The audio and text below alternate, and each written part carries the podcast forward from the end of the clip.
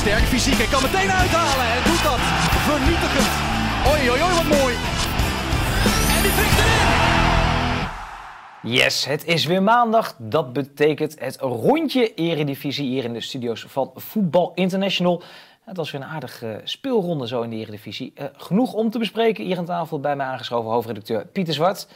Pieter, genoten van het Eredivisie weekend? Nou, ja, vooral de Eredivisie zondag. Het was uh, één wedstrijd op vrijdag, twee op zaterdag en toen op zondag. Ja, dan ga je om kwart over twaalf ga je zitten voor... Uh, NEC Vitesse. NEC Vitesse. En dan uh, liep het in één keer door tot na tien of ongeveer tien uur s avonds dat uh, Ajax afgelopen was. Dus ja, je hebt je niet uh, hoeven te vervelen wat dat betreft op de zondag. En de rest van het ja, weekend was ja, vrij rustig qua Eredivisie. Gelukkig heb jij nog andere competities die je graag volgt. Nou ja, zeker. Ja, zaterdagavond. ja, dan volg je het advies van de trainer van Feyenoord. En dan zet je Manchester City aan. Ik bedoel, dat is toch ook een vaste prik. dus wat dat betreft ook niet hoeven vervelen. En die zondag, dat was nou, was op zich aangenaam. Alleen uh, je, je, hoopt altijd dan zo zondag dat er ergens een verrassing komt. Maar die uh, kwam niet echt. Die bleef een beetje uit, hè? Ja, ja. die bleef een beetje uit. Uh, toch mogen we dit, dit item even helemaal ja, Ja, maar er zijn nog zoveel onderwerpen die we eruit kunnen pikken. En we hebben een paar stellingen gemaakt. Dus we gaan eens even kijken of we aan de hand van die stellingen het Eredivisie Weekend kunnen duiden. even kijken, de eerste stelling pakken wij erbij.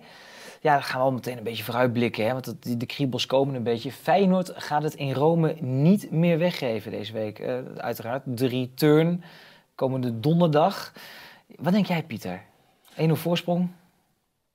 Ja, het, is een hele spannende. En eh, de business van het voorspellen is een lastige. Maar uh, ja, ik, ik heb wel het gevoel dat Feyenoord dit eruit kan gaan slepen. Omdat ze speelden al heel goed in die thuiswedstrijd. Tegelijkertijd ja, lieten ze ook nog veel liggen in die thuiswedstrijd. Met name ja, situaties die ze dan wel in eerste instantie uitspelen, maar dan daarna vanuit ja, die goede opbouw tot kansen komen, dat gedeelte van het spel, ja, dat was minder verzorgd. Nou, je ziet dat Slot, die is er eigenlijk al mee bezig om daarover te praten. Van ja, keuzes in de eindfase, dan kunnen we nog veel meer uh, kunnen we creëren. Ja, als je dat dan ook nog kan verbeteren, je krijgt misschien nog iets meer ruimte tegen Roma, ja, dan, dan ja, liggen er echt wel grote kansen voor Feyenoord. Maar neem even mee. Ik bedoel, dit is, dit is de, het onderbuikgevoel tegenover data en kennis. En jij uh, zegt, uh, gaan ze niet halen. ik, ik, de, de, moeilijke wedstrijd, ja, maar 1-0, uh, José Mourinho, heel veel factoren waar je denkt van, oh, dat kan wel eens verkeerd gaan. Ik heb echt serieus mijn twijfels.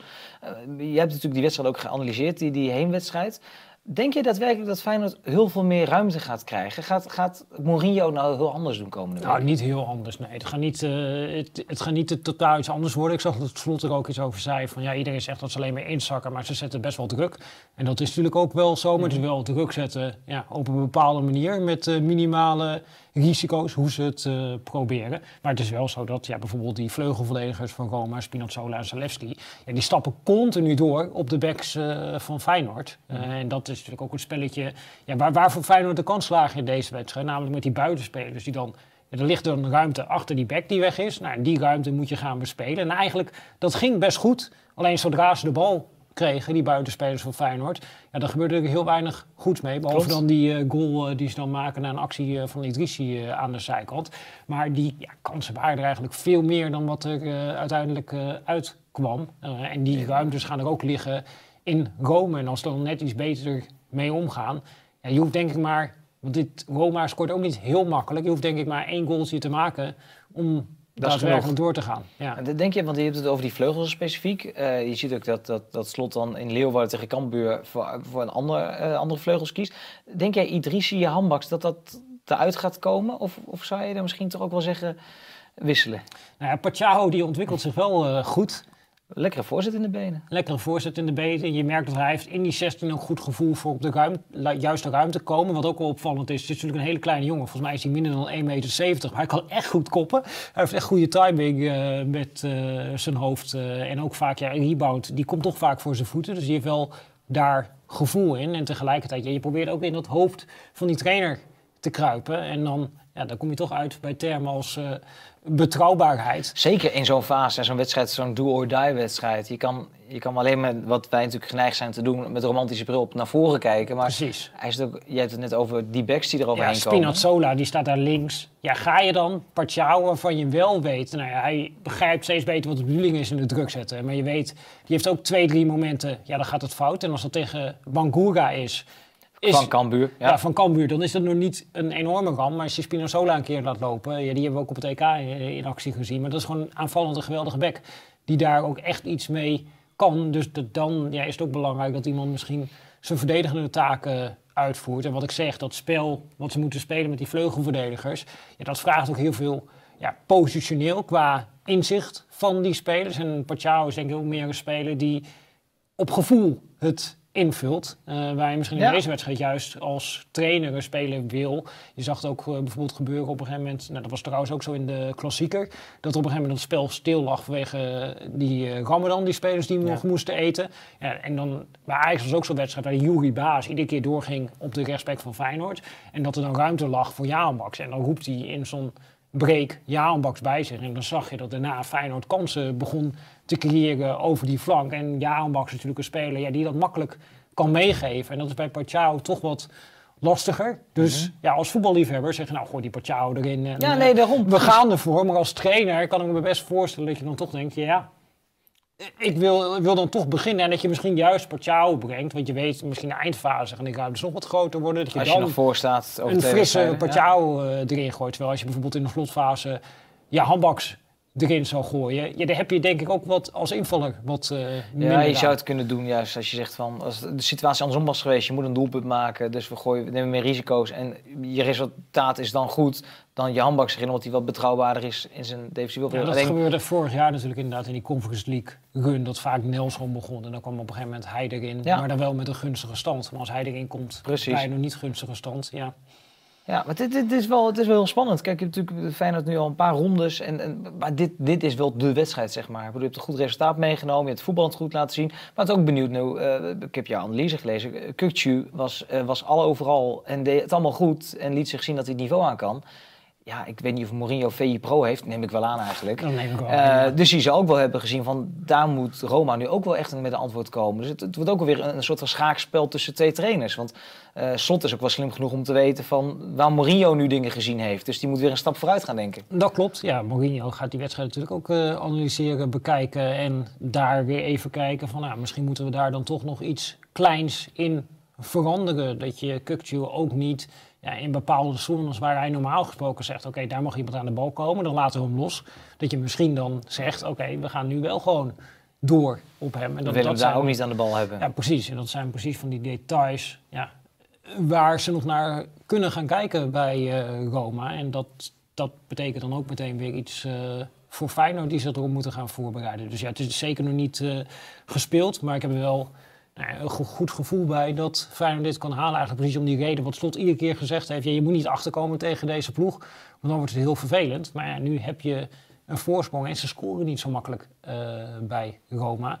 Eh, ook weer in deze wedstrijd, dat is met name ja, spelervattingen waaruit ze gevaarlijk worden. Het wordt er vaak gezegd, het is een counterploeg. Ik vind Roma totaal geen counterploeg. Die, die worden ook niet, helemaal niet veel gevaarlijk, echt uit counters. counters. Eh, dit is toch meer ja, vanuit een bepaalde opbouw, als ze dan gevaarlijk worden uit open spel, dat uiteindelijk ja, spelverplaatsing naar een van die zijkanten en dan eh voorzetten richting El Sharabi of eh, een bal richting Dybala, waarvan ook nog de vraag is of die gaan meedoen. Ja. Maar ja, dit, het wordt vaak neergezet als een koude ploeg, eh, dit Roma, maar dat, dat is het gewoon niet. Dus de conclusie op dit moment, jij zegt Feyenoord gaat het redden. Ja, en dat, zou een waanzinnige prestatie zijn natuurlijk als Feyenoord dat eh, voor elkaar krijgt. Eh, want ja, je gaat natuurlijk ook die finale terugkijken. En dan zit je naar het elftal van Roma te kijken. En dat is bijna exact hetzelfde. Negen spelers hetzelfde. En ze hebben dan eigenlijk twee keer een upgrade gedaan. Met aan de ene kant Wijnaldum, die erin is gekomen als extra middenvelder. En Dybala, die erin is gekomen voor Saniolo, die de winnende Mhm. goal maakte in de finale. Ja. Ja. dat is in beide gevallen een gerichte investering geweest eh, van om beter te Mourinho worden. om eh, beter te worden. En bij Feyenoord is er eigenlijk iedereen waarvan de Europese top dacht, nou die, die, die vinden we echt goed, die zijn allemaal weggehaald. Eh, en dan ja, hou je maar een paar spelers nog over van dat elftal. Ik denk die finale heb je Bijlo, Trauner, Kukcu. Dan zijn we er denk ik, of niet? Nee, nog. Geertruida, Eh, Geertruida. ja. Dus dan heb je er vier. En bij hen zijn dat er eh, negen. Eh, en, ja, Plus bij- versterkingen. bij hen hebben ze de twee slechtste hebben ze vervangen. En bij Feyenoord zijn eigenlijk de zeven beste, zo gezegd. Nou, niet, ja, niet dat die spelers die ik net noemde, dat dat slechte spelers zijn. Maar ja, wel de spelers waar mensen de meeste potentie in zagen. Ja, die zijn weggehaald. Dus dan, als je dan een jaar later die ploeg verslaat. op dat kan staat. eigenlijk niet. Nee, nee, dat- Maar het, is, het gebeurt wel. En dat, dat, eh, ja, dat, dat is een waanzinnig compliment eh, aan iedereen die dat bij Feyenoord heeft vormgegeven. een huzarenstukje zou het zijn. Eh, jij hebt er vertrouwen in. Ik, ik hoop het vooral heel erg. Ik moet het echt nog even zien. Maar het is in ieder geval een lekker potje om naar uit te kijken. Volg dat ook vooral via de kanalen van VI, Martijn Grabbedam, VI Pro, ja, podcast. Ja, waar niet zou ik bijna zeggen, want we zijn erbij hè. We zijn erbij. Zo is dat. Gaan we door naar de tweede stelling. Eh, John Heitinga had Alvarez moeten sparen. Eh, het verhaal even uitleggen natuurlijk. Eh, Alvarez pakt een gele kaart tegen Emmen. En mist daarmee de wedstrijd tegen PSV. Ja, misschien wel de cruciale wedstrijd om plek 2 en dus voorronde Champions League. Ja, en ik heb wel 12 jaar de afgelopen tijd gelezen. Misschien wel de belangrijkste speler van Ajax dit seizoen. Nou ja, in ieder geval een cruciale speler. Dus daarom ben ik het ook totaal niet eens met die stelling. En om Erik ten Hag te citeren, looking a cow in the ass. Look at Cody yes, hè? De Engelsen hebben het er nog over inderdaad, ja. Ja, maar dat, dat is dit ook. Eh, ja, voor die wedstrijd heb ik niemand gehoord die zei van... nou ja, Alvarez staat op eh, scherp, die moet je misschien eh, niet opstellen. En Davy Klaassen stond ook op scherp. Niemand die zegt na afloop, hey, Davy Klaassen had je eigenlijk ook niet moet eh, opstellen. Dan kun je natuurlijk achteraf dit gaan roepen. Maar Ajax is helemaal niet zo stabiel dat je kan zeggen thuis tegen Emmen... nou ja, die wedstrijd win je toch wel. eh, we zetten even Edson Alvarez eh, op de bank. Want eh, nou, ik, vroeg het uh, hij te gaan naar die wedstrijd tegen Go Ahead, waar ik bij was. Ja, toen zei hij al meteen, ja, ik zou eigenlijk hem willen klonen. Want dan, ik, ik, ik, zet eentje centraal achter, liefst er wil eentje middenveld neer. Ja, precies. Op beide posities eh wil ik een broer eigenlijk? hem hebben. Nou ja, als ze je broer zou hebben, dan zou hij meteen gekocht worden door Ajax. En dan gaan ze met twee spelen. En nu tegen PSV, ja, met geen enkele. En als je dan ja, gaat kijken naar zijn impact ook eh, op het elftal. Ik zocht, de Bart Vrouw is ook bezig met een stuk eh erover. Maar ik zocht even snel de statistieken in de periode Heitinga. Dat is ongelooflijk als je bijvoorbeeld gaat kijken naar eh luchtduels. Mhm. Heitinga, of uh, Alvarez, die is er eentje meer dan 60 aangegaan. Dan heb je nog uh, Timber, die is iets meer dan 30 aangegaan. En dan verder komt niemand boven de 15 uit. Dus dit is gewoon ja, echt een soort van eenmans luchtmacht van Ajax. Die is weg Even kijken. tegen PSV. Even kijken, PSV, Luc de Jong zeg ik dan hardop even. Ja, Guus dat was natuurlijk ook Johan. Cruijffschaal. Een paar balletjes eh, erin kopte tussen scoren. beslissende doelpunt eh, tegen Ajax. Ook uit een corner in die wedstrijd eh, in de Johan Cruijff Arena. Ja, dit is het team met een van de beste luchtmachten van eh, de Eredivisie. Ook meeste gescoord uit eh aanvallende spelhervattingen. Nou, verdedigende spelhervattingen van Ajax mag ik geloof ik niks meer over zeggen. Maar Daar, daar is wel eens links en je, rechts je- je zou kunnen suggereren dat het af en toe voor verbetering vatbaar lijkt. Eh, en dan is Edson Alvarez er ook nog eens eh, niet bij. Dat is wel eh, ja, een gigantische aderlating voor Ajax. Het beste alternatief is dan denk ik John Heitinga zelf. Ja, zo ongeveer wel. Ja. Want Timber die heeft ook nog meer dan de helft van de luchtduels die hij daadwerkelijk is aangegaan, eh, heeft hij eh, verloren. En dan komt uiteindelijk komt nu eh, Kelvin Bessie erin. Die eruit ziet als een goede kopper, maar een minder goede kopper is dan je van zijn uiterlijk eh, zou verwachten. En Bessie was natuurlijk ook bijvoorbeeld degene die, als je teruggaat weer naar die vorige topper tussen Ajax en PSV, die op een gegeven moment bij een voorzet vanaf de zijkant Luc de Jong voor zich laat komen. Ja, in dat pure verdedigen in de eigen 16 eh, is hij minder goed. Wel in counters belopen, daar is hij heel erg goed in, eh, Kelvin Bessie. Maar puur ja, dat een man dekken in de eigen 16, daar is hij eigenlijk ook niet de pure verdediger voor. Dus ja, ze hebben bij Ajax een week eh, op te puzzelen. En ik denk dat ze die week ook wel nodig hebben om dit op Maar te als, als je zo beluistert, is de puzzel toch ook wel al gelegd? Want heel veel alternatieven zijn er toch niet? Het is alleen de vraag hoe je het gaat invullen met die twee. Maar in principe wordt dat toch gewoon Timber Bessie? Ja, normaal gesproken zou je zeggen dat dat... Of, zie, of zie je eh, nog een andere alternatief in de selectie waar wij overheen kijken met z'n allen? Poeh, ja. Ja, je, je gaat ook niet Grealish, die nu net twee wedstrijden als controleur het eh, aardig doet, die ga je ook niet Ook weer eh, terughalen. naar eh, achteren halen. Ja. ja, ik denk, ja, Bessie is eigenlijk eh, de enige optie die je Ja. normaal gesproken hebt. Ja, of je moet Hato of zo zitten achterin eh, gaan zetten, maar dat lijkt me ook niet echt eh, de meest aantrekkelijke optie. Gens heeft er eerder dit seizoen nog gespeeld, maar ja, dan moet je ook nog maar zien, haalt hij die wedstrijd? En Ja. dan ga je die daar dan eh, neerzetten, maar ja, heel veel meer opties eh, heb je niet. Best, best wel raar eigenlijk voor een, een, een club met, met zo'n budget, met zo'n grote selectie. Dat je eigenlijk Bessie valt tegen. Dan moet Alvarez, die eigenlijk als controleur op middenveld moet spelen, als centraal moet gaan spelen. En dat je eigenlijk geen enkel alternatief meer in je selectie hebt. Hè?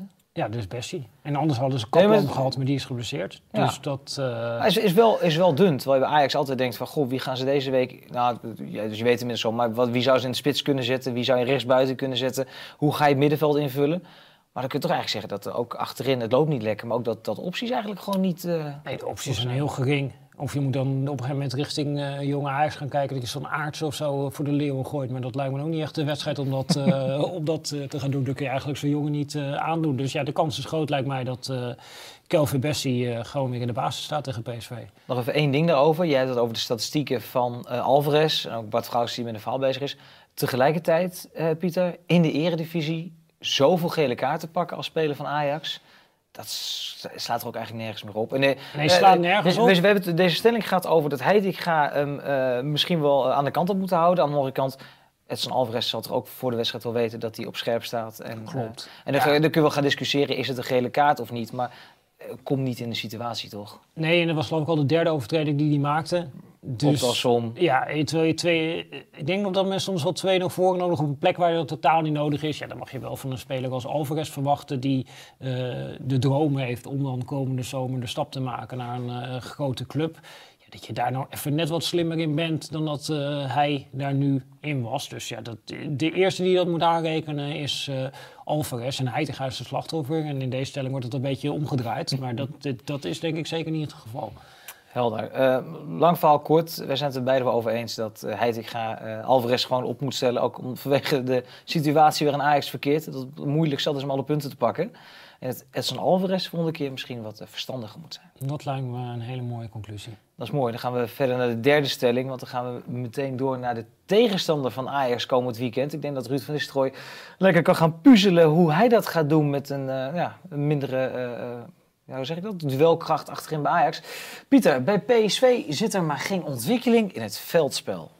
Ik moet zeggen, ik, ik had de eerste kwartier, 20 minuten van die wedstrijd gemist tegen Volendam. En dan ga je kijken, dan denk je van, nou, weet je, het komt allemaal wel weer goed. Het is, uh, op papier lijkt dat best wel lastig. Volendam uit, valt er mee. Maar als je aan het gaandeweg die wedstrijd kijkt, het is nog billenknijpen op het einde ook. Het is nog, eh, als het één of twee balletjes anders vallen, dan loopt PSV gewoon averij op aan de dijk. Ja, qua kansenverhouding was geloof ik in expected goals gelijk. Volendam had meer schoten, Volendam had meer balcontacten in de 16. Ja, Volendam domineerde eigenlijk die wedstrijd. En dan snap ik wel dat mensen geneigd zijn om te zeggen, ja, er zit geen ontwikkeling in het veldspel van PSV. Maar ja, ik vrees een beetje voor de PSV-fans dat dit het plan is, het idee is, omdat dit precies is Eigenlijk alles wat ik nu bij PSV zie, is precies wat ik gezien heb toen ik jong PSV ging bekijken in de periode onder Ruud van Nistelrooy. Wat, heel wat zag je dan? Vertel. Heel veel balbezit en getik op eigen helft. Breien. Ja, zeker. Van uh, uh, links naar rechts. Nou, dat is precies wat we nu zien uh, bij PSV in het eerste elftal dat dat uh, op die manier gebeurt. En het tweede wat je zag is het team dat nou ja, op momenten wel een soort van druk probeert te zetten. Maar als dat even niet lukt, meteen met z'n allen teruggaan naar uh, de eigen 16. Ze hadden destijds zelfs met jong PSV van alle teams in de KKD de meeste baleroveringen in het eigen derde. Dus rondom het eigen ja. strafschopgebied. Maar dat, dat, dat, weet je, dat vind ik op zich, dat kun je nog zeggen, dat zijn vaak jongens van 18, 19 jaar. Die spelen tegen gasten van 7, 28, uh, misschien kwalitatief. Dat kan ik allemaal nog wel begrijpen. Ja, maar dus het, uiteindelijk is het een stilistische keuze natuurlijk van die trainer om te zeggen, oké, okay, op een bepaald moment gaan we Hij waarschijnlijk gedacht dat hij op die manier het makkelijkste bal kan veroveren. En hij heeft waarschijnlijk een paar snelle jongens gehad, waardoor hij in de omschakeling redelijk snel uit kon komen. Ja, ik heb niet heel veel wedstrijden jong PSV gezien in die tijd. Ja, hij noemt natuurlijk ook Simeone als voorbeeld. En hij zegt ook van, oké, okay, dit, dit, dit, zijn dingen ja, die ik wil zien van mijn ploeg. Dat als we even geen druk erop krijgen, dat we ook helemaal terug kunnen plooien. Nou ja, eigenlijk vanaf de eerste wedstrijd van PSV onder zijn leiding zag je dat dat team dat begon te doen. Dan heb je natuurlijk ook nog die periode gehad dat er daardoor een enorme afstanden tussen linies ontstonden. Omdat de ja. helft nog bezig was met Roger Smit in het hoofd. Moeten met z'n allen naar voren. en de andere helft zegt, oh, we hebben een nieuwe trainer. We moeten nu met z'n allen moeten we naar achter lopen. En dan worden die ruimtes soms een beetje groot. Uh, dat, dat is nu wel wat meer ja, uh, eenheid daarin in denken. Daar is natuurlijk ook uh, Gutierrez wel belangrijk in. Uh, maar ook nu, zeg maar, heroveringen van PSV het eerste elftal uh, in eigen derde. Dan heb je echt een paar degradatiekandidaten. Dus dan praat je over uh, Excelsior, Volendam, Fortuna Sittard. Die onder dat soort teams ja. die vaker dan PSV in de eigen derde veroveren. dus dit is nu ook weer dat je ziet dat ja, bij PSV ze zover teruggaan. En ook zeg maar, ja, dat, dat, dat trage in balbezit vanuit de opbouw. Dat, dat zie je ook heel erg uh, terug en weinig positiewisselingen. En dat, dat heel erg eigenlijk bijna voorgeprogrammeerd voetbal. Dus ik, dit, dat, dit is volgens ja, mij de hand voor Ruud van Nistelrooy. Maar dat kan toch enkel en alleen als het resultaat oplevert. Dat kan dus eigenlijk alleen als je nu zegt... eh, ze winnen nog een KVB-beker en ze gaan de volgende Champions League in. Dan kun je nog zeggen Cruijffschaalbeker, volgende Champions League. Oké, maar op het moment dat je nu zo meteen eh, die volgende Champions League niet pakt... en je zou nog een bekerfinale verliezen ook... dan heb je er ook nog met... Nou ja, geen spectaculair voetbal, mag ik het dan maar even zo voorzichtig uitdrukken. Ja, je kunt heb ook niks gehaald. Je, je kunt hem ook omdraaien. En dan, ik zag dat eh, PSV dit seizoen een record heeft gevestigd wat betreft doelpunt uit counters. Nou, dat creëer je natuurlijk wel door wat verder in te Nee, zakken. dat klopt. Hè, de zou het provocerende pressie noemen. En dat is de briljant eh, eh, idee. Eh, en dat zijn ook eh, doelpunten. Eh spelervattingen doen ze ook heel goed eh, bij PSV. Dat ze daar eh, doelpunten uit maken. Maar ik ben het inderdaad met je eens dat ja, je maakt een bepaalde keuze. En dat, dat is ook ja, wat ik persoonlijk niet begrijp in dit seizoen bij PSV. Want nou ja, net als eh, je nu ziet bij Slot, bij Feyenoord... Er is natuurlijk een trainer geweest bij PSV, Roger Smit, die is nu bij Benfica bezig, die daar een bepaalde stijl in heeft gebracht. Nou, dan ga je een selectie op samenstellen eh, en dan ja, vervolgens als die vertrekt, dan zou ik verwachten dat jij als club denkt, oké, we zijn een bepaalde koers ingegaan. ja, dan gaan we nu verder op die koers met een trainer die ja, min of meer eh, hetzelfde probeert. Dus ze hebben eigenlijk nu een trainer aangesteld die op alle fronten, en dat wist je eigenlijk al op het moment dat je hem aanstelde, het tegenovergestelde is van Smit. Ja, dus bij Smit eh, was het in de opbouw zo snel mogelijk naar voren. Bij Van Nistelrooy is het bijna, nou ja, we lokken de tegenstander, we gaan bijna zo traag Ja, dit, mogelijk dit, naar voren. Dit, dit is toch het probleem van de voetballerij. Hier lopen toch bij praktisch alle clubs tegenaan. Het gaat van links naar rechts, van links naar rechts. Ook omdat er heel veel eh, ontwikkeling vaak zit bij de technisch directeur. Nou, bij PSV is John de Jong dan weg. Eh, van Nistelrooy wordt dan ook aangesteld als trainer. Ook natuurlijk omdat hij man van de club is. Hè? Mhm. Dat, dat, er gebeurt ook iets.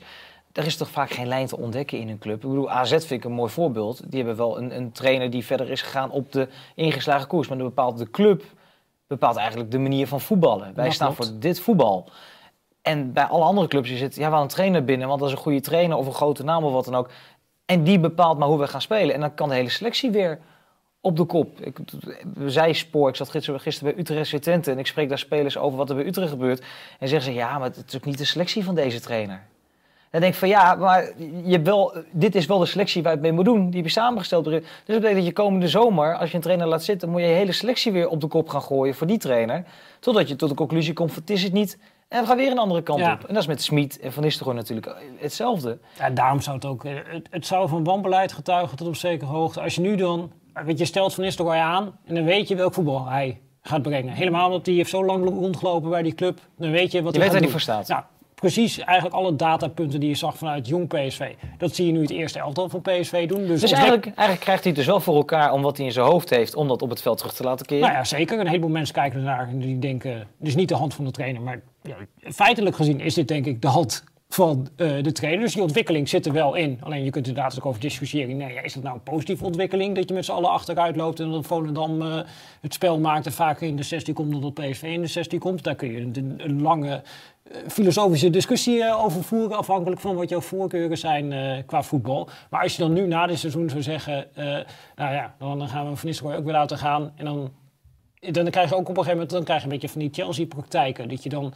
er soms selectie hebt, waar dan iedereen, of United jarenlang ook, waar dan ja, iedereen, iedere trainer heeft een paar spelers gekocht die dan passen bij zijn speelwijze. En dan de volgende, en die gaat weer de andere kant op. Als je nu alleen al kijkt naar de situatie van Ibrahim Sangaré. Ik begrijp, gegeven hoe Van Nistelrooy wil voetballen, dat hij uiteindelijk bij Guti Ja. uitkomt. Eh, alleen, ja, je hebt wel eigenlijk van de resterende spelers in de selectie ervan uitgaande dat Simons die clausule heeft, heeft hij waarschijnlijk de hoogste marktwaarde en die zit op de bank. Nee, ja, dat Omdat hij niet past binnen eh, de filosofie van de trainer, terwijl hij perfect past in de filosofie van de vorige trainer. Ja, dat is denk ik het schoolvoorbeeld van dat je ernaar kan kijken. En dan denk je, ja, ja lange termijn, je, er ontbreekt toch een soort van logica. Ja, maar- als je dan dit pad inslaat, ja, misschien moet je er dan maar op door als je gelooft dat dit de juiste route is. Als club. grappige is, een Sangaré is ook gekomen met het verhaal dat er een systeem gespeeld zou worden waarin hij extreem belangrijk zou worden. En die heeft gezegd, mooie stap voor mijn carrière. En dan, nou, volgens Premier League, kan nog steeds wel gebeuren inderdaad. Alleen dit zijn praktijken die wat we horen van Nederlanders die naar buitenland gaan. Hè, die dan de, de vierde trainer in Italië hebben in een seizoen. Ja, Eh, maar in Nederland verwachten wij toch eigenlijk dat er iets meer structuur, iets meer beleid is. Maar als ik jou zo beluister, eh Even van Nistelrooy, eh, doet hij zijn ding? Doet hij hetzelfde als wat hij bij Jong gedaan heeft? Alleen is het dan de vraag of dat voldoende is als je dan te nauwe nood wint bij Volendam. Ja. Nou ja, hij was zelf geloof ik heel blij, toch? Met die reeks. eh de landstitel was negen nog haalbaar, één gelijk. Landstitel is nog haalbaar. Dus eh, Ik- ja, ik denk ook een miljoen V- VE Pro abonnees is ook nog haalbaar. Ja, wat, wat, even eh, voor mijn beeld, eh, dat was geen stelling, maar eh, PSV eh, het wordt nog kampioen dit seizoen. Eh, Durf je die aan? Of? Nee. Niet, ja, hè? Nee. Nee. Ja, ik geloof persoonlijk niet zo in sprookjes. Maar op zich, het, eh, het, het valt de prijs dat je zegt, nou, we stre- streven het hoogste haalbare na. Maar dan vind ik ook, als je dat dan doet, en dan mag je ook misschien wat kritischer zijn over je eigen ploeg. Als je neerzet in Volendam wat je daar zag qua veldspel. Want die uitslag is uiteindelijk eh, positief. Maar ja, hoe ze daar voor de dag kwamen, dat, dat eh, ja, bij PSV, daar mag je wel iets meer verwachten. Helemaal in de fase van het seizoen waar ze nu zitten. Ja, dan zou je mogen verwachten dat er net als wat je nu bij Feyenoord ziet, dat je een soort van machine hebt die steeds beter gaat In functioneren. deze fase van het seizoen mag dat wel een keertje. Ja, en bij PSV eh, ja, is dat gewoon niet het geval. Ik, eh, ik hoorde collega Freek Jansen zeggen, het wordt de lammen tegen de blinden zondag. Dat gaat me misschien iets te ver, maar het is natuurlijk wel eh, dat. Het belangrijkste van deze stelling is, we gaan naar 1 miljoen VI Pro leden. Ja, als PSV kampioen kan worden, kan ook een miljoen leden krijgen op VPRO, toch? Uitstekend. Eh, meld iedereen aan, vrienden, familie, allemaal even een abonnementje nemen, VI Pro. Jullie weten, jullie kijken al, jullie weten wat je ervoor terugkrijgt. Theoretisch is het nog mogelijk. Theoretisch mogelijk. Even doorpakken deze week. Eh, laatste stelling, Pieter. Laten we eens even kijken wat wij hebben. Marie Stijn is een toptrainer. Marie Stijn, een trainer van Sparta Rotterdam. Ja, het sprookje eindigt maar niet op het kasteel, hè? Dat is ongelooflijk. Ja, als je kijkt waar zij staan en als je kijkt hoe die vorig seizoen instapten. En ik denk, als wij, toen hadden we nog een rondje Eredivisie, waar je weet 100% zeker, als wij hier een rondje Eredivisie gehad hebben, dan was de stelling, Maurice Stijn had nooit op dit moment moeten instappen. Dan hadden we waarschijnlijk met z'n allen gezegd, ja nee, is niks te behalen en dat is een kras op je cv, Ik- ik- ga je nog zeker vertellen, het was een jaar geleden, dat, eh, dat, toen werd ik naar het kasteel gestuurd. Want eh, de, de Fraser was natuurlijk weg en Stijn werd gepresenteerd. Ik was bij de presentatie toen. En toen moest het allemaal maar gebeuren. En niemand... Was dat een beetje de teneur van de vragen toen ook? Ja, nee, dat was wel een beetje de teneur van de vraag. En toen ging het nog over mij. Was hij op vakantie, werd hij gebeld, toen moest hij erover nadenken. En, want hij zou natuurlijk in de zomer zou Ja. hij instappen. Niet weten op welk niveau. Nu moest hij toch er eerder in. Ga je het wel doen? En dan heb je zo meteen weer een, nee, een, eh, een degradatie op je cv staan. Dat, dat was de teneur van het gesprek inderdaad, ja. Toen wonnen ze van PEC Zwolle, weet ik nog. Dat was eh, de, de, de klap waarmee PEC degradeerde Ja. uiteindelijk. En wat daar sindsdien gebeurd is, dat is, dat, het is krankzinnig. En ook, ook de manier waarop. Het, het, het is best wel frivol, het is best wel leuk ook om naar te kijken. Eh, een paar goede voetballers erbij. Alleen de vraag die je gesteld wordt, is Maurice Stijn een toptrainer? En dat weet ik niet. Het is wel een trainer die geweldige resultaten neerzet met clubs die minimale middelen hebben. En daarom, ja, dan, vraag ik me ook een beetje af, zeg maar, van hoe definieer je toptrainer?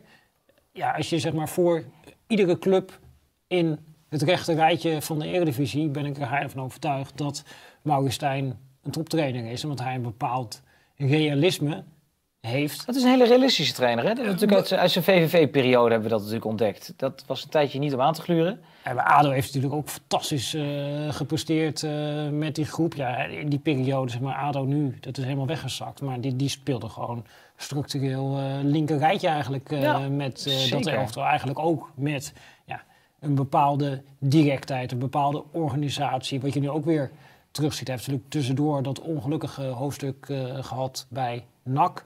Oh, daar gaat het nooit meer over. Nee, dat gaat Was, was, was er met Van Hooydonk en zo? Ja, Oké, ja, een soort van kampenstrijdje. Hè? Ja, was, Heeft hij trouwens qua aantal, aantal punten was gewoon vergelijkbaar met hoe hij het nu bij Sparta eh, deed? Nee, ja, het- nee maar oké, dat dat natuurlijk. Maar hij heeft het, Alleen hij, als hij heeft je het wel goed gedaan. Hij Ja. heeft dus wel bij die clubs, eigenlijk zeg je wel structureel bij die clubs. Hij is dus, het is een hele realistische trainer. Hij kent zijn eh, tekortkomingen en de kwaliteiten van zijn ploeg en weet daar dus iets neer te zetten. Ja, en ik heb ooit met hem eh, een keer, dat was in die coronaperiode, heb ik hem nog een keer geïnterviewd over, toen ging het over een soort van trainers eh, en Op inspiratiebronnen.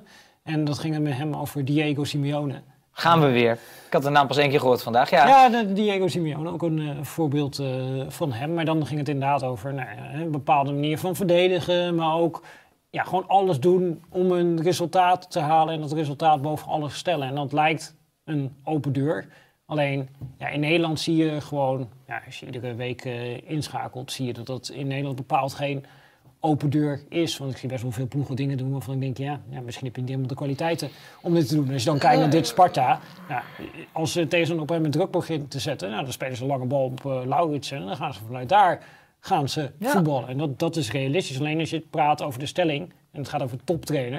Ja, hij is denk ik niet echt een trainer voor de top. Omdat als je echt bij een topclub zit, ja, dan gaan op een gegeven moment teams jou de bal geven. En dan moet je daar denk ik ook ja, een Maar als hij- als zo idee voor real- als hij zo ontwikkelen. realistisch is, zou hij dat dan ook niet kunnen? Dat hij bij Ajax Feyenoord PSV trainer is, dat hij dan ook dat... Want dat weten we eigenlijk niet. Hij heeft natuurlijk altijd bij relatief... Nou ja, hij heeft natuurlijk in de. KKD wel bij clubs gewerkt die daar dominanter waren. Dus bijvoorbeeld VVV is ook daar eh, mee gepromoveerd. Toen ik op voet naar Simeone, en dan krijg ik ook al snel... Nee, maar ik heb bij ADO ook aanvallend voetbal gespeeld. En met VVV zijn we ook met aanvallend Ja, voetbal maar dat zeggen eh, alle trainers zeggen dat uiteindelijk, hè? Ja, alleen de- daar heb ik zeg maar op dat vlak bedenken. En helemaal als je zeg maar terugtrekt richting de discussie waar we net eh, over hadden. Dus nou ja, bij Ajax is natuurlijk een bepaald idee van voetballen. Bij AZ is dat er ook. Bij Feyenoord willen ze ook door op de koers die slot. Zijn ze ook in de opleiding eh, zijn ze allemaal op die manier eh, aan het voetballen. Eh, ja, voor dat soort teams, ja, dan hou je niet een trainer binnen met een tracker die heeft laten zien. eh, dit doen we. Nou ja, misschien bij PSV, als we, als Nistelrooy laten zitten. Over een paar jaar heb je een opvolger nodig die eh, op die manier Realisme. speelt. Ja, en op de counter en af en toe inzakken. Ja, dan, dan kun je misschien wel uitkomen bij Maurice Stijn. Maar ik denk dat zijn stijl ja, juist maakt dat hij misschien bij die toptrainers niet zo snel, bij topclubs niet zo snel wordt aangesteld. Ah, lekker, Eh, en dat lekker. lijkt me ook logisch. Lekker naar Italië of zo een keertje. Als, hij, hè, als je zo door blijft gaan bij Sparta, dat valt ook op. Eh, wel een probleem. Ik zat hier laatst met collega Rean Boeringa. En toen hebben wij een prijs in het leven geroepen. Want je hebt het einde van het jaar altijd die trainersverkiezing. eh, CBV doet dat. Ja.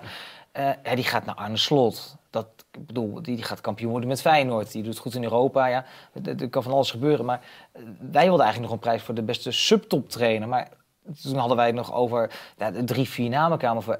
Maar die gaat nu eigenlijk al naar Marie Stijn toe. Die, die kunnen ook bijna niet meer aan iemand anders geven, toch? Nee, Maurice Stijn, ja. Ja, of, of, of. RKC moet eh, Europees voetbal halen. Dan wil ik met Jozef Oosting ook nog wel een keer gaan zitten. Maar we hadden het over, er zijn best wel trainers. René Haken hadden we het over Oosting. Die het eigenlijk best wel goed doen, maar die komen nooit in aanmerking voor zo'n prijs. Want ja, dat, eh, wat Slot doet is fantastisch.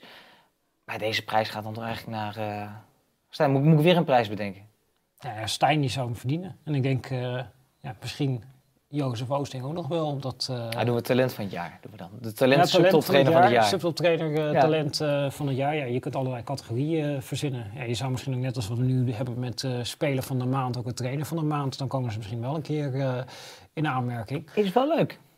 Kan, kan best leuk zijn. Want dan ja, kun je misschien ook net, heb je een haakje om nou ja, wat langer daarnaar te gaan kijken. Dus ja, dat is, nou ja, is wel interessant. En wat dat betreft vind ik het wel veelbelovend. Dat je, je hebt natuurlijk Stijn, Oosting. Er zit wel weer wat ja, trainers daarachter aan te komen. Dick Schreuder. misschien denkt, eh, ja, Dick Schreuder eh, bij PEC, eh, fantastisch natuurlijk. Dus dat, dat, ja, dat is wel leuk om daar naar te kijken. En qua stijl inderdaad, Dick Schreuder. Ja, met dat druk zetten, wat hij natuurlijk ook al laat zien dat hij dat deed bij PEC. Ook toen PEC stijf 18e stond eh, in Ja, de. Eredivisie. Ja, het lijkt mij zeg maar dat als Feyenoord een opvolger zoekt voor slot. En dan kom je eerder uit bij Dick Schreuder dan dat je uitkomt bij Maurice Stijn. Terwijl Maurice Stijn ja, geweldig presteert. In de eredivisie. Maar, ja, alleen wel met een ja, bepaalde stijl. En als dat niet aansluit bij de stijl die die club wil nastreven, dan ja, krijg je op een gegeven moment dat je te groot voor het eh servet, te klein voor het eh, tafellaken. Ja, dan moet je misschien maar een keer eh, in het buitenland gaan proberen als Maurice Stijn. Nou, die kans komt nog wel. Het leuke is, jij, bent, jij, jij hebt met Dick Schreuder gesproken. Voor, Ja. die staan natuurlijk op punt van promoveren. Die dachten er trouwens te zijn gisteren. En toen zakte ADO in elkaar en toen waren ze er toch niet. Eh, ik heb al met de directie van PEC Zwolle gezeten. Eén ding is zeker, eh, of Dick Schreuder er blijft of niet. Eh, PEC gaat in de eredivisie hetzelfde doen als in de KKD. Dus eh er, Ah, er werd de quote van Henk de Jong nog een keer aangehaald. Die verloor mij met 7-1 of zo, 8-1 toen destijds. En iedereen wat naïef. Zei hij van, nou, volgende week moeten we er staan. Eh Zwolle gaat volgend jaar hetzelfde doen Eredivisie. Die gaan lekker volle bak op de aanval. Dus eh, daar mogen we veel van eh, verwachten, Pieter. Nou, en wat ook wel leuk is om alvast te verklappen is dat Oh. eh, Dick Schreuder, die komt ook aan deze tafel zitten. Komt Dick Schreuder hier aan tafel? Ja, we hebben natuurlijk eh, de trainer van Spakenburg al gehad met het eh, tactiekbord. Hebben ze in Utrecht nog slapeloze nachten van, maar dat ja, is dit- dus ik, eh, ik zat met hem, dus ik ging een beetje polsen van eh, gaat dat? Eh, en toen hij, ja, hij, die is natuurlijk bij de WK-show. Ja, zeker. WK was het? Ja, geen EK. WK was hij er natuurlijk gast, ook. Dus hij, zei, ja, zitten jullie daar nog steeds? Dus ik zei, nee, we zijn inmiddels zijn verhuisd. Nou, wat bleek? Hij woont hier eh, twee minuten lopen vandaan. Dick Schreuder. Dus eh, dat, dat was makkelijk om een afspraak te arrangeren. Dus die, die gaat bij het tactiekbord binnenkort een keer uitleggen hoe PEC het allemaal aanpakt in de keukenkampioen-divisie. Dus dat is wel iets waar ik persoonlijk eh, al naar uitkijk. Wij gaan het, we gaan het meemaken, wij gaan Ja. kijken. Pieter, tot slot, conclusie. Eh, kunnen wij stellen dat Maurice Stijn een toptrainer is? Eh nee, Maurice Stijn is een uitstekende trainer, maar geen trainer voor de top. Laat ik hem op die manier samenvatten. Wat zeg jij? Op dit moment nog geen toptrainer, maar hij heeft ook de kansen niet gehad. Nee, Dus dat is ook eh, waar. Misschien dat hij ooit een keer die kans moet krijgen. Eh, Twente was misschien mooi geweest voor hem. Twente was mooi, maar dan krijg je Joost Oosting natuurlijk. Benieuwd Ja. hoe hij dat gaat doen. Ehm, heel veel dingen wel benoemd, heel veel dingen niet benoemd. Eh, Jasper Sillis is slecht geslapen. Jozefzoon slecht geslapen. Eh, Nou, ik wil nog een Manhoef. Ik heb Oh, je wil- wil eh, Manhoef. Ja, daar heb ik... eh, NEC Vitesse niet benoemd nog. Ja, Ja. daar heb ik... dat is natuurlijk ook wel echt een derby. En dan, ja, je hebt van tevoren, je gaat het voorbereiden, je gaat over wat dingen nadenken. En Manhoef was een van de spelers die ik voor mezelf wel omcirkeld had. Van, nou, dat vind ik wel leuk om daar een keer op te letten. Want het zo'n speler is, je ziet hem af en toe dingen doen. En dan denk je, oh, nou, da- daar zit wel potentie in. En dan is het interessant om eens een keer in eerste wedstrijd echt te letten op...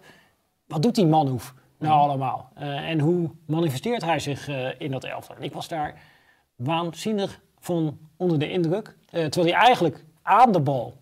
Die, we hadden laatst had je toch die compilatie van Grealish met zijn zes pases die mislukten, die dan allemaal achter elkaar geplakt werden. Nou, dat kun je bij Manhoef hier ook doen met mislukte aannames, pases, et cetera, et cetera. Die was hoogst ongelukkig eigenlijk aan de bal, maar om wat hij zonder bal deed, daar zat ik naar te kijken en ik dacht zo, ja, die, die is toch wel voor, ook voor de Eredivisie top, op basis eigenlijk van alles wat hij zonder bal deed, vind ik hem heel interessant. Omdat hij eigenlijk voortdurend in beweging is, continu aan het lopen eh, is. Hij zou, als je die in de stijl van Feyenoord nu zou zetten bij eh, Slot, ik denk echt dat hij een sensatie zou kunnen zijn. Want hij heeft zoveel diepgang zonder bal. De, meeste buitenspelers, weet je wel, zeker die van 1 21, die bij Vitesse spelen, die zeggen, geef mij de balletje met de bal. voet Ja. en ik ga dribbelen. Maar deze jongen gaat iedere keer diep, eigenlijk ook naar voren druk zetten, maar ook naar achteren. Zie je hem als een soort van tweede rechtsback eh, af en toe verdedigen. En als je dan ziet wat voor meters die jongen aan het afleggen is. Ja, dan, ik werd er moe van toen ik, toen ik, kijken, eh, toen ja. ik naar kijk. En dat je dat ziet doen, dan denk je, oké, ja, dit is een jongen die, hè, hij kan heel goed dribbelen. In 2023 is er niemand die meer dribbles in de Eredivisie heeft ingezet dan hij. Dus er is een bepaald rauw talent, maar er is ook een enorme ja, bereidheid om te willen werken eh, en om vuile meters te maken. En als je dat hele pakket hebt, ja, dat is natuurlijk ook waar ja, scouts naar gaan kijken. Dus ik denk wel dat gaat, eh, Vitesse dat ze echt een eh, potentiële goudmijn hebben met eh Manu. Van het, ja, zeker. Er zijn natuurlijk steeds meer teams die in die Red Bull-achtige stijl willen spelen. En die kijken ook met name, me de bal, wat, wat, wat doet hij dan? En als je op die manier naar Manu kijkt, ja, dan ben je daar gigantisch van eh, onder de indruk. Dus eh, ja, die, eh, hij hij, gaat- hij viel mij heel, heel positief op. En ik, ja, ik ben nu wel nieuwsgierig van ja, welke club gaat Manhoef oppikken. Nou, hij heeft zich in de laatste periode ook in de kijker gespeeld bij Jong Oranje. Dus er wacht nog een EK voor hem waarschijnlijk ook komende zomer. Kan hij noteren, Arne Slot moet Manhoef ophalen? Ja, PSV, we hebben het natuurlijk over dat counteren gehad. Dus een razendsnelle speler. Die hebben nu Bakayoko daar. Je hebt er eigenlijk meer opties nodig op die vleugel. Dat zou ik ook misschien nog best een eh, interessante vinden. Ajax heeft misschien te veel de bal om het type rechtsbuiten als hem, als hij eh, te hebben. Maar ja, ik, ik denk dat hij voor veel clubs hoog in Nederland dat interessant kan zijn. Maar ik denk dat je ook moet oppassen, want dit is ook een speler. Al die Bundesliga-clubs die gaan hier naar kijken. Die denken, nou, die jongen kan lekker rennen. Dat lijkt me een hele lekker voor uh, FSV Mainz 05 of 1899 Hoffenheim. Die eh, zitten er allemaal op te wachten. Hij heeft natuurlijk ook bewezen dat hij als eh, vleugelverdediger kan spelen in een systeem met drie centrale verdedigers. Dus je kunt best wel wat kanten met hem op. Dus ik denk, eh Manhoef, eh, die, die gaat verkocht worden bij eh, Vitesse. Manhoef gaat vertrekken. Nou, Pieter, dankjewel nog voor eh, dit stukje college over Manhoef. Ja. En zo zie je dus, rondje Eredivisie, niet alleen maar de top 3, top 4. Hè. Wij bespreken alles wat ons tegenkomt. Volgende week gaan we eens een keer wat dieper in. Uiteraard op Ajax PSV, maar ook eens een keer kijken op plek 16. Dat begint ook echt wel een dingetje te worden natuurlijk. Ook wat falen over op VI Pro in het magazine. Jullie bedankt voor het kijken. Zoals gezegd, deze week natuurlijk ook volledig in het teken van Europees voetbal. Gaat AZ het dan toch nog redden? Eh dan gaat Feyenoord het redden? Pieter zegt van wel, maar het meemaken. Volg dat via al onze kanalen, vi.nl, VI Pro Magazine Podcast. Waar zijn we niet? Ik zeggen, heel veel plezier deze week en tot de volgende. Komt er een schot, komt er een goal. Rebound, goal. Sterk fysiek, hij kan meteen uithalen en doet dat vernietigend. Oei, oei, oei, wat mooi.